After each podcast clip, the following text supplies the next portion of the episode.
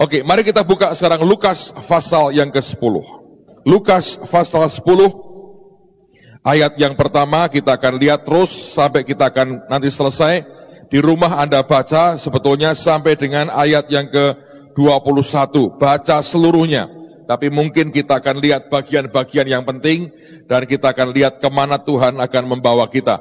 Saya mau ajak Anda membaca ini dengan cara pandang yang berbeda.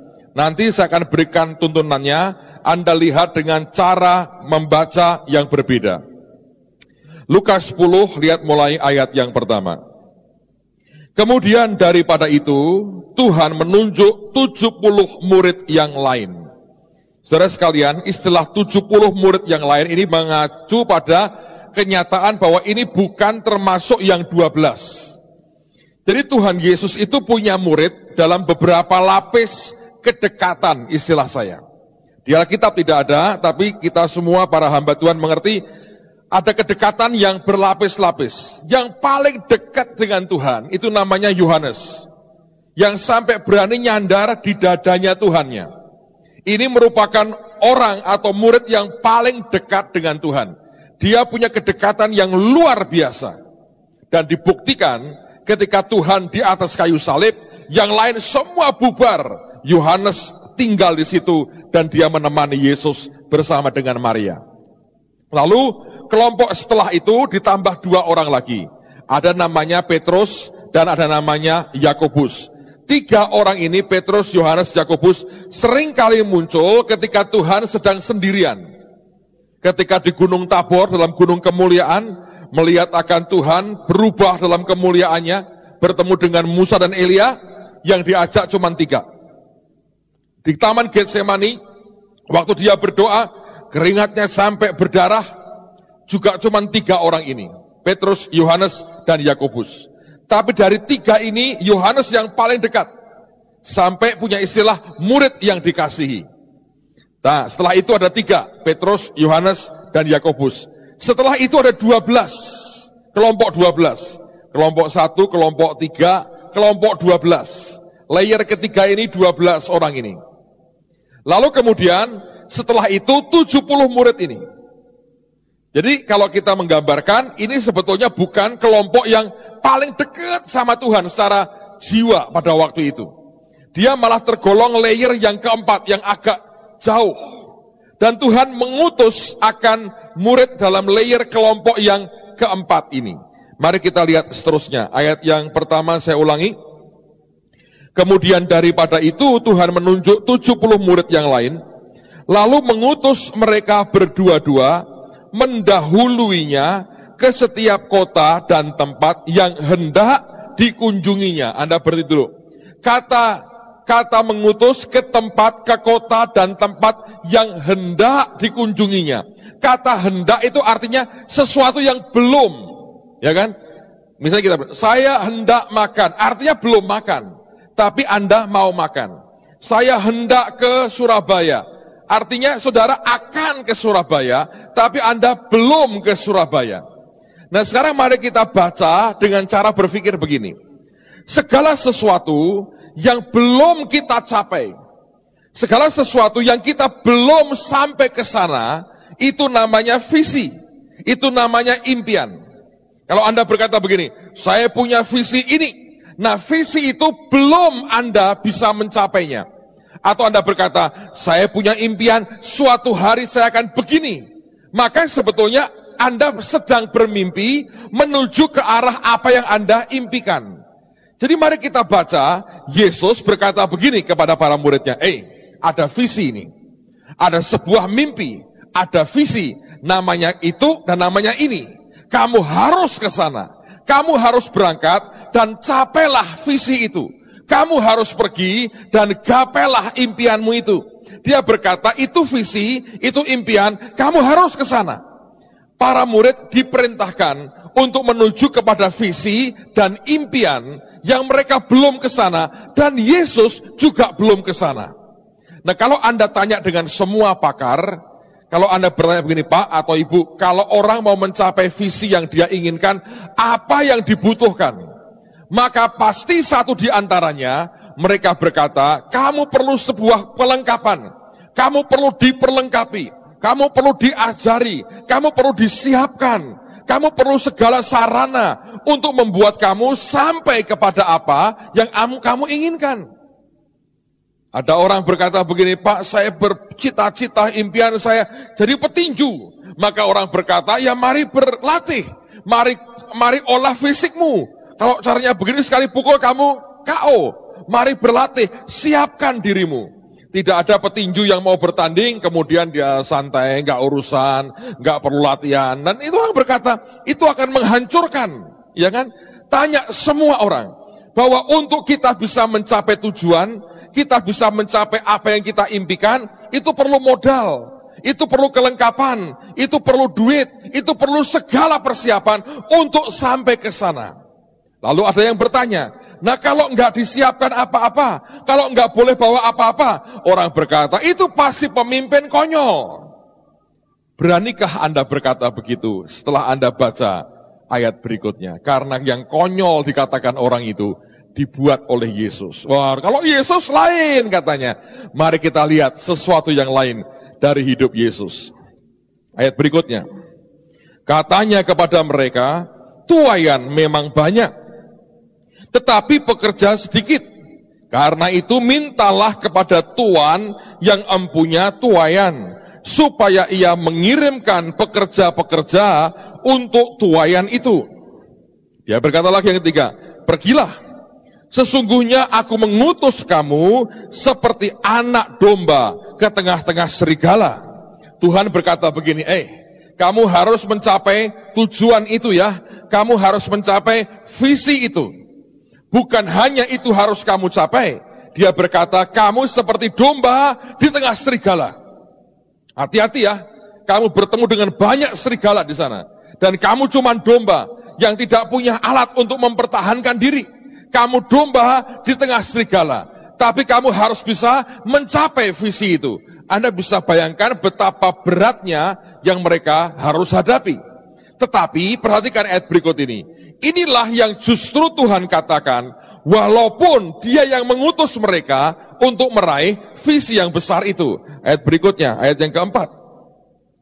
Janganlah membawa pundi-pundi. Anda tahu pundi-pundi? Pundi-pundi itu bukan bahasa Jawa. Kalau bahasa Jawa, pundi mas, pundi mas itu di mana mas, di mana. Pundi-pundi itu bukan di mana, di mana. Pundi-pundi itu tempat nyimpen apa? Duit, dompet kalau sekarang. Dia berkata, jangan bawa pundi-pundi. Dia berkata, kamu pergi ke sana, jangan bawa duit. Saudara tahu ini tidak mungkin. Zaman sekarang kalau orang diperintah, dia berkata, duitnya mana? Anda tahu begitu gampang orang diperintah apa pun, boleh pak, duitnya mana?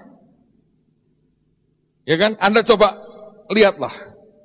Satu hari di satu kota saya ketemu dengan beberapa anggota gereja. Dan kemudian anggota gereja ini berkata, Pak gereja saya payah banget. Kenapa? Saya diperintahkan begini-begini, tapi nggak diberi duit. Majelisnya kikir pak. Suruh pergi dengan iman katanya. Tidak boleh bawa uang.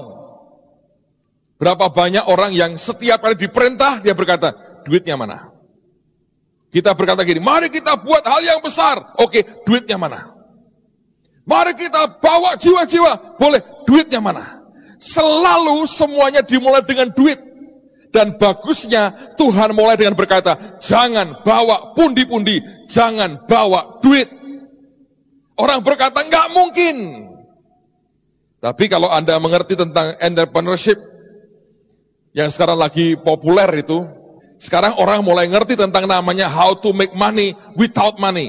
Bagaimana menghasilkan uang tanpa uang. Tapi saya berkata terlambat. 2000 tahun lalu, Yesus pernah perintahkan para murid berdua-berdua pergi dan dia berkata, kamu seperti domba di tengah serigala. Dan yang pertama kamu buat adalah jangan bawa duit. Saudara sekalian, ini yang tidak masuk akal bagi banyak orang. Bisakah kita meraih sesuatu tanpa uang? Tapi kenyataannya Tuhan perintahkan begitu. Hari ini ada beberapa orang berkata, Pak, saya mau mulai usaha baru. Butuh apa? Modal, Pak. Belum tentu.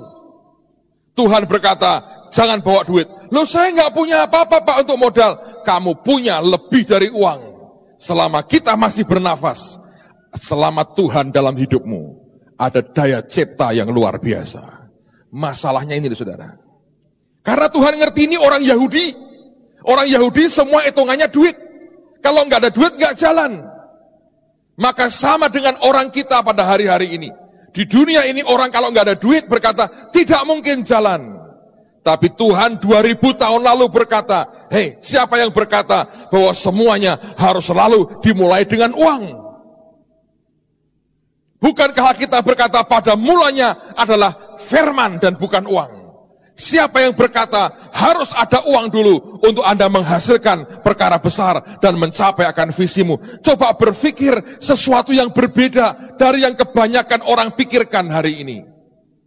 Ada banyak orang yang tidak menyadari bahwa sebenarnya Anda bisa diberkati, Anda bisa memulai sesuatu yang ajaib tanpa uang di dompet saudara. Bisa. Dalam anugerah Tuhan, dalam nama Tuhan Yesus, Mesti bisa. Caranya bagaimana? Roh Kudus akan beritahu saudara. Tapi minimal cara berpikirmu harus berkata, ini sebuah alternatif loh. Tidak berarti aku harus selalu punya uang. Kalau aku dapat perintah dari Tuhan, maka walaupun kelihatannya aku tidak punya uang hari ini, itu akan terjadi satu hari. Caranya bagaimana Tuhan akan ngatur. Yang penting apakah Anda cukup percaya dengan perintah sekonyol ini. Dia berkata, kamu pergi ke kota itu berdua-berdua, dan Tuhan berkata, kamu seperti domba di tengah serigala, dan Tuhan berkata, jangan bawa duit. Orang berkata, nggak mungkin Pak, tapi Yesus berkatakan ini. Jadi sekali lagi saya mau berkata buat saudara, bisa kok saudara, dalam anugerah Tuhan, bisa. Kalau Anda berkata, oh nggak bisa, maka Anda sudah berhenti sampai di sini. Ayat ini tidak mungkin diteruskan. Karena itulah Tuhan pertama berkata begini, bisakah engkau percaya tanpa duit? Engkau hanya dengar perintahku dan engkau lakukan apa yang aku perintahkan. Satu hari ada seorang hamba Tuhan, dia orang Inggris, dia cukup lama tinggal di Indonesia, dan kemudian suatu hari, dia di Jakarta, Tuhan berkata dengan dia, pergi ke Surabaya. Aku mau kamu melayani di Surabaya. Waktu itu dia hanya punya uang seribu rupiah. Dan Tuhan berkata, pergi ke Surabaya. Malam ini kamu harus khotbah di Surabaya. Entah bagaimana, seseorang telepon dia, berkata, Pak, bisa enggak malam ini khotbah di Surabaya? Dia kaget sekali dia berkata, Tuhan berkata, harus khotbah di Surabaya. Uang hanya seribu rupiah. Bagaimana caranya ke Surabaya dengan uang seribu rupiah? Dia pakai uang itu buat naik bus saudara. Bus Damri yang ke airport. Sampai di airport dia berkata Tuhan inilah awal perjalananku khotbah di Surabaya. Tidak ada uang, satu rupiah pun tidak ada. Orang berkata begini, nggak mungkin. Dia berkata, saya ngalami tidak ada uang satu rupiah pun. Lalu kemudian, Tuhan aku harus ngapain? Kamu sudah sampai di airport, kamu tidak bisa gandul di bannya pesawat, beli tiket untuk ke Surabaya. Tidak ada uang. Tuhan berkata, bagus, seperti 70 murid tidak pakai uang sekarang. Dia antri, zaman itu saudara, Anda nggak bisa pesan di travel agent, Anda mesti ngantri di loket. Ngantri di loket, itu zaman yang gawat sekali. Ngantri di loket saudara. Dia ngantri di loket, dan makin makin menit makin deket kan, itu mereka beli kasih gitu. Dia, dia lihat kanan, kiri, siapa tahu ada orang kenal dengan dia dan memberi dia uang. Siapa tahu ada orang uh, berkata, eh Bapak Pendeta mau ke mana? Dibayarin, lumayan. Siapa tahu tanpa uang dibayarin. Dan dia lihat sekitarnya, tidak ada satupun yang menyapa dia dan tidak kenal satu orang pun. Akhirnya tiba kepada giliran mendekat, mendekat, mendekat. Ada satu om tua di depan dia. Orangnya kaya, dari pakaiannya kelihatan. Dia bawa duit buat tiket. Dia berkata begini, tiket satu ke Jakarta. Petugas berkata, maaf pak, tiket habis. Yang ada penerbangan dua jam lagi dari sekarang. Orang ini berkata, nggak bisa, Saya terlambat ini, saya ada meeting penting. Maaf Pak, tiket habis. Dia berkata, saya bayar lebih mahal. Maaf Pak, tiket habis. Marah ini orang saudara. Ini urusan penting begini, dia teriak-teriak. Dari tadi ngomongnya macam-macam. Tambah penerbangan lah. Dia diam aja ini pendeta saudara. Orang bule diam aja dia berkata, ini marah terus. Nanti kalau dia pergi giliran saya, ya lo tiket habis tapi ada dua jam lagi. Dia bilang Tuhan tiketnya habis. Kan ada dua jam lagi. Kan belum terlambat. Nanti malam baru khotbah Surabaya. Ini kan masih pagi. Ya juga sih. Tidak ada duit sudah. Yang om tua satu ini marah-marah di loket. Gebrak-gebrak marah. Petugasnya takut, ditutuplah loketnya. Gerak tutup saudara. Tinggal pergi. Marah makin meledak. Begitu meledak saudara, dia balikkan badannya. Dia lihat orang bule ini. Dia banting itu duit di tangannya. Nih katanya, pergi pulang saudara. Dia bengong. Dia mau panggil, ada yang mencekik lehernya. Dia pergi. Dia pergi. Nggak lama kemudian dibuka loketnya. Yang tugas takut ngintip. Sudah pergi ya Pak? Sudah pergi. Mudah-mudahan tidak kembali lagi ya Pak?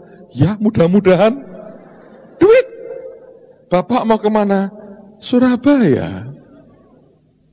Kan pakai duit juga. Duitnya datang belakangan.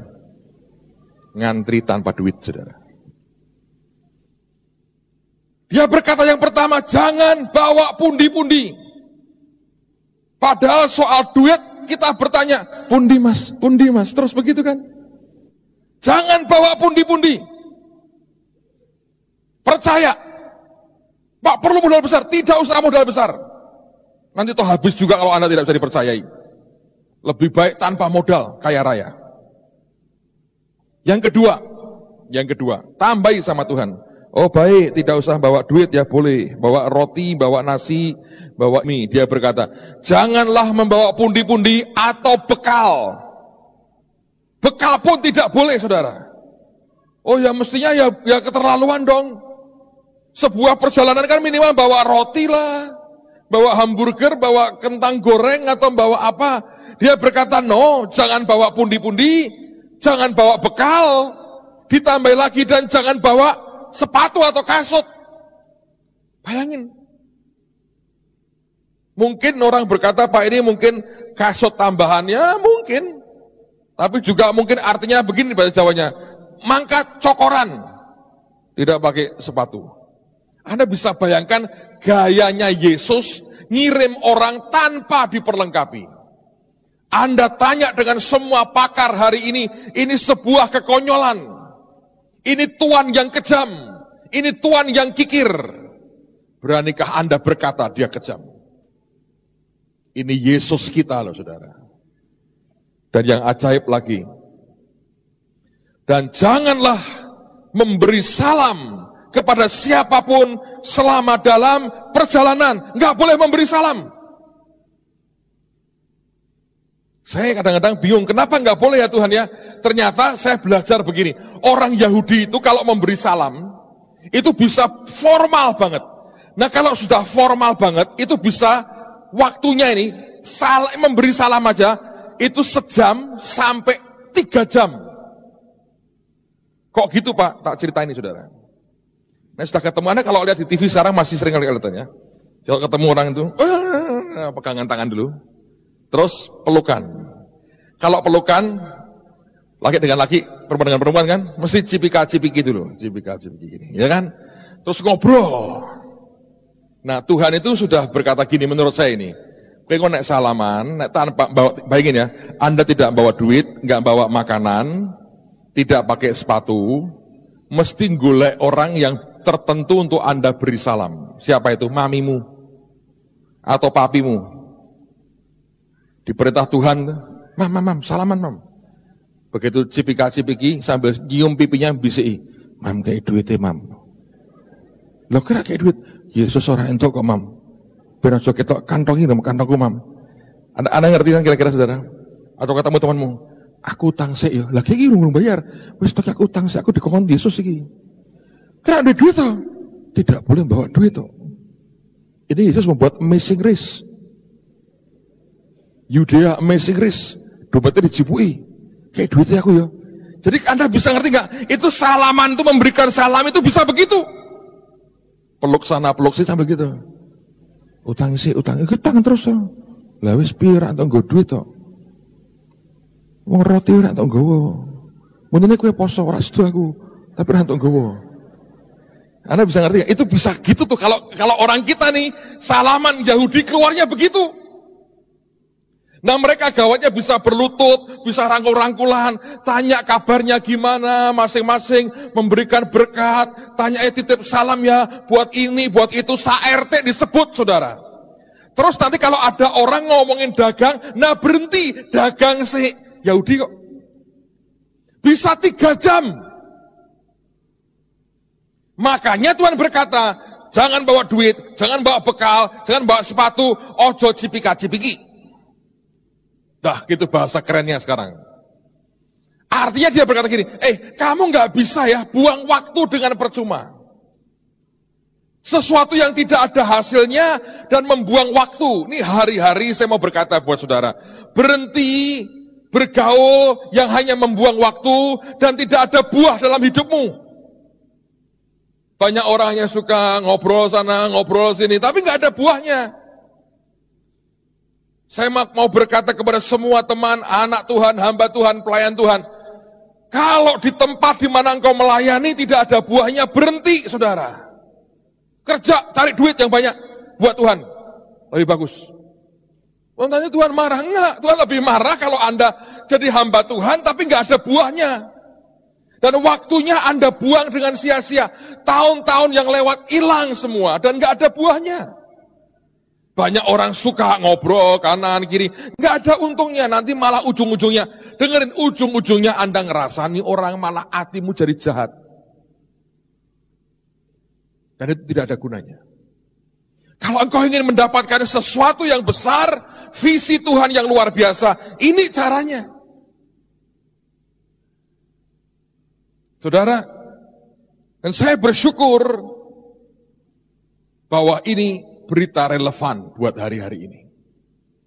Selalu orang berpikir, aku harus jadi orang yang hebat, dengan semua kelengkapan untuk mencapai apa yang Tuhan janjikan. Sebetulnya tidak, engkau tidak perlu apa-apa. Dan para murid ini tidak boleh ngapa-ngapain. Anda tahu apakah mereka berhasil? Ya. Coba kita lompat ayat yang ke-17. Yesus itu membuktikan dia berhasil luar biasa. Ayat 17. Kemudian ke-70 murid itu kembali dengan gembira dan berkata, Tuhan juga setan-setan takluk kepada kami demi namamu. Dia kirim 70, yang balik 70. Tidak ada yang minggat di tengah jalan. Oh, nak werak dikai duit minggat. Nggak ada. Nggak ada, saudara. Tidak ada yang tidak balik. Semuanya balik. Dan yang ajaib, semuanya bergembira. Artinya mereka lapor. Yang engkau perintahkan, dan selesai Tuhan. Tergenapi. Bisa ternyata. Ditambah bonus, bahkan setan-setan takluk demi namamu. Bangga banget mereka. Ngalahkan setan. Lalu kata Yesus kepada mereka, Aku melihat iblis jatuh seperti kilat dari langit. Sesungguhnya aku telah memberikan kuasa kepada kamu untuk menginjak ular dan gala jengking dan kuasa untuk menahan kekuatan musuh sehingga tidak ada yang akan membahayakan kamu. Namun demikian janganlah bersuka cita karena roh-roh itu takluk kepadamu, tapi bersuka citalah karena namamu ada terdaftar di sorga. Apa yang membuat mereka berhasil? Ayat berikutnya. Ini ayat luar biasa.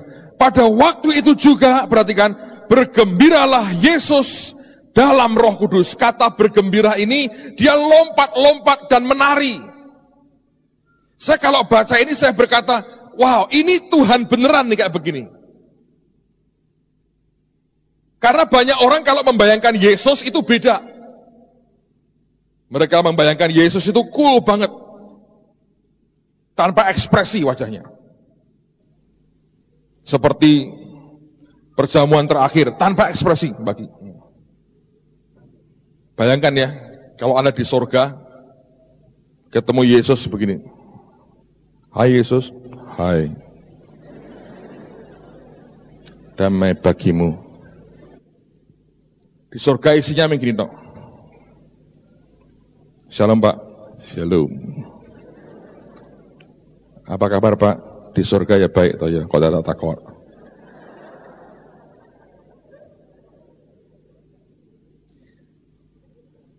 Orang Indonesia itu memang gawat. Kalau Anda di barat ditanya, how are you? Bagaimana dengan kamu? Orang kita nggak mau tahu kita, tahu kabar kita. Bagaimana kabarmu? Makanya kalau Anda punya surat kabar, akan laris, saudara. Karena orang Indonesia suka dengar kabar, saudara. Tidak pernah how are you, tapi kabarmu, gitu kan, saudara ya. Itu budaya, bahasa itu budaya. Makanya saling paling suka dengar dengar kabar, dengar kabar, dengar nggak kabar. Eh, TV yang paling seorang suka kabar, kabari, ya itu orang suka kabar, saudara. Oh kabar, paling suka kabar, saudara. Sampai orang kober apa-apa karena dengar kabar itu, saudara. Sebanyak orang berpikir Tuhan begitu. Saya pernah nonton film tentang Yesus, saudara. Dia dia di perjamuan kawin di Kana. Dan digambarkan beda dengan yang kita bayangkan. Kalau kita bayangkan ya Yesus datang ke perjamuan kawin di Kana, dia datang seperti bosnya mafia dengan 12 pengawal diam tok gini. Tuhan kau datang di perjamuan kawin Kana? Iya. Mau minum anggur Tuhan? Air putih saja. Ini ada lem chop Tuhan. Jangan daun saja, sayur maksudnya. Makan hanya buah, tanpa pernah senyum. Datang ke yang kawin, selamat menempuh hidup baru ya. Saya ngape-ape, saya pergi. Dikitari 12. Semua pesta, dia diam. Sambil jalan-jalan terus. Itukah Yesus kita? Enggak. Saya lihat filmnya itu saya suka banget. Eh, dia umur 30. Zaman itu sampai hari dia mati dan bangkit, tetap dia jomblo, saudara. Nanti mempelainya baru kita ini kalau pulang diangkat Tuhan, baru ketemu mempelainya. Sampai detik ini beliau masih jomblo. Dan dia bergaul dengan pemuda-pemuda, rekan-rekan sejomblonya. Dan sebagaimana tradisi orang Yahudi, dia nari dengan mereka. Dia bukan pemimpin geng Galilea dengan 12 bodyguardnya yang jalannya pun tidak nginjek tanah. Bukan. Coba lihat ya, orang buat patung Yesus selalu begini. Nggak ada, iya, nggak ada, nggak ada, nggak ada.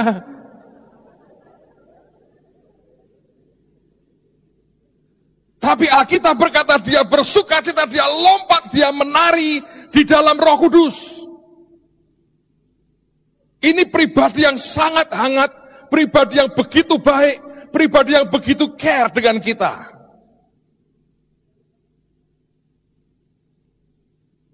Nggak ada kalau Anda nangis, dia malah gini. So nangis. Nggak ada. Dia bahkan bisa nangis dengan Anda loh. Dia bisa peluk kita, dia bisa curahkan cintanya luar biasa buat kita. Itu pribadi yang hangat. Jangan gambarkan Tuhan seperti imajinasi kita yang sering kali ngawur. Memang dia menghadapi badai, dia cool. Dia ketemu orang-orang yang dicintai, keluar kehangatannya. Saya baru diberi satu buku, ini boleh dikopi ini buku ini, ditulis boleh dikopi saudara. Kesaksian tujuh orang muda dari Kolombia. Di saat yang sama tujuh-tujuhnya dibawa Tuhan, dilihatin neraka dan liatin surga.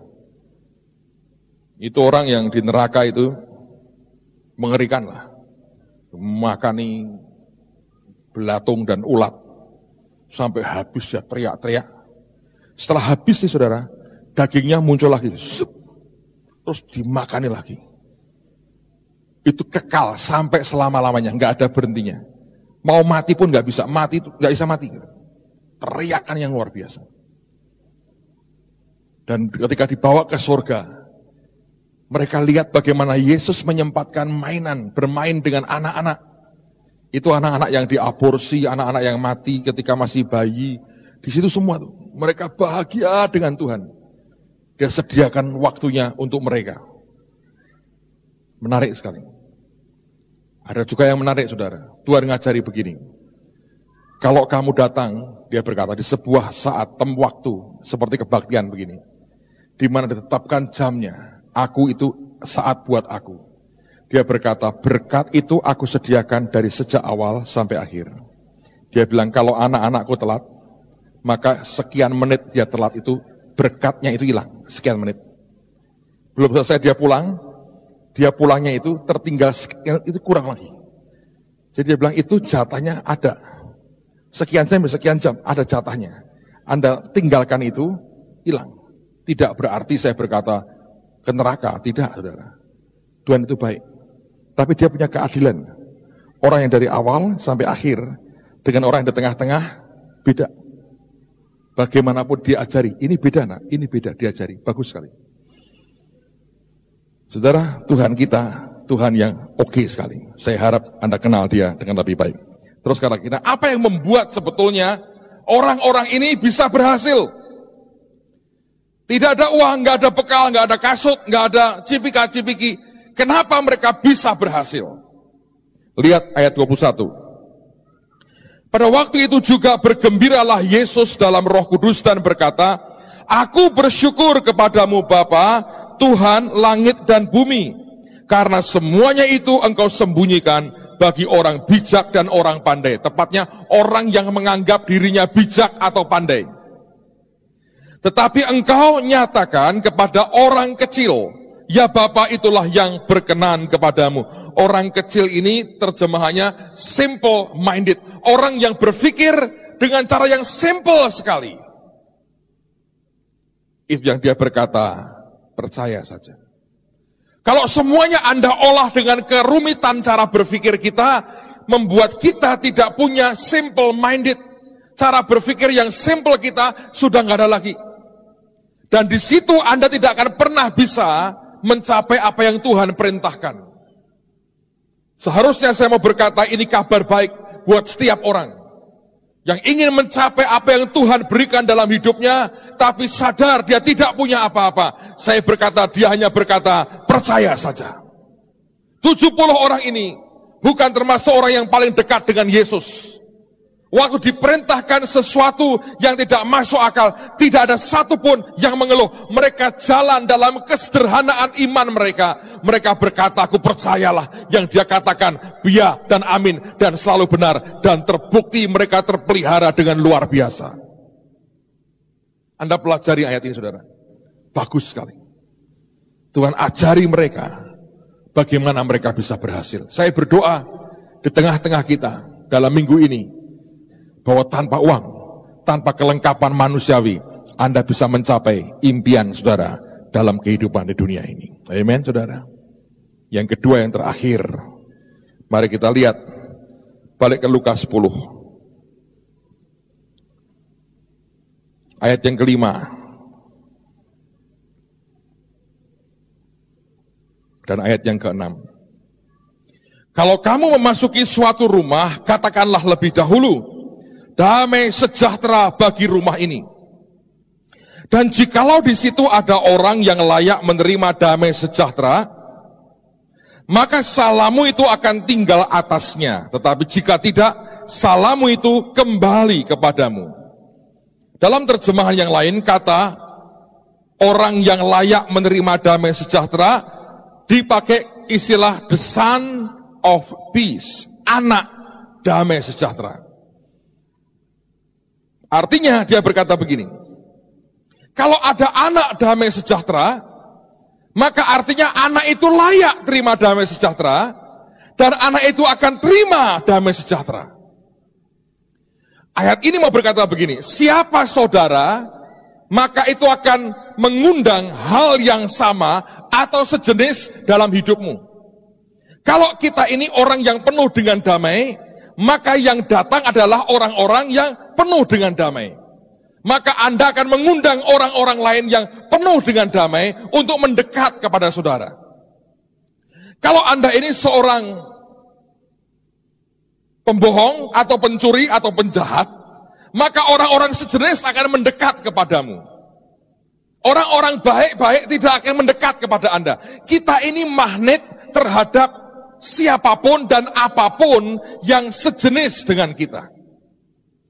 Kenapa Tuhan mau bentuk karakter kita dan mengubah kita supaya yang datang dalam hidup kita berubah. Kalau kita ini orang yang jahat, maka yang jahat yang datang. Kalau kita ini penuh damai, yang damai akan datang. Dan yang digunakan kata damai di sini dua hal memang damai seperti pada umumnya, tapi kata damai sejahtera di sini artinya juga prosperity atau kelimpahan.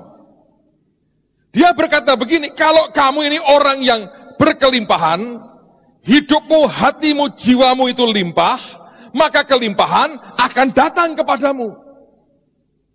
Yohanes berkata, aku berdoa di atas semua yang lain, supaya kiranya engkau berkelimpahan dan dalam keadaan sehat, sebagaimana juga jiwamu berkelimpahan.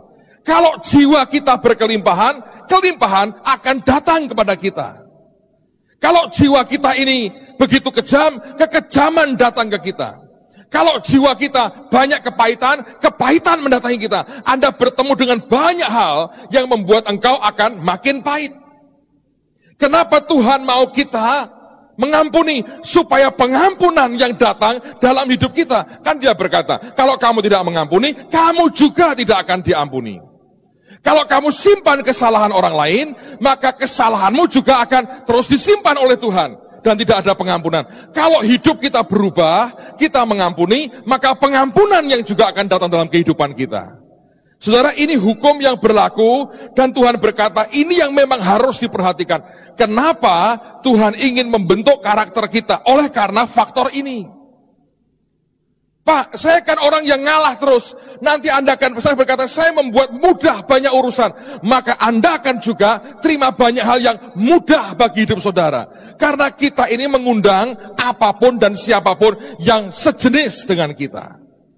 Sekarang mari kita baca Amsal tapi membacanya dengan cara yang tadi saya katakan. Amsal pasal yang ke-11. Ini ayat yang sangat terkenal sekali. Amsal 11 ayat 24 dan ayat yang ke-25. Amsal 11 24 25. Ada yang menyebar harta tetapi bertambah kaya. Ada yang menghemat secara luar biasa namun selalu berkekurangan.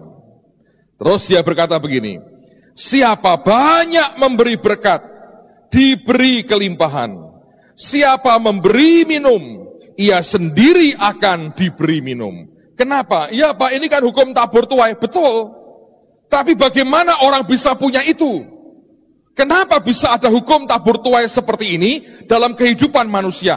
Oleh karena siapa kita itu mengundang yang sejenis datang dalam kehidupan kita. Saya beri contoh begini. Saya sering kali ceritakan ini dan saya mau ulang lagi untuk Anda mengerti. Karena saya perhatikan terjadi pada banyak orang. Ada orang yang pada waktu itu tidak punya apa-apa. Utangnya banyak dan dia sangat susah sekali.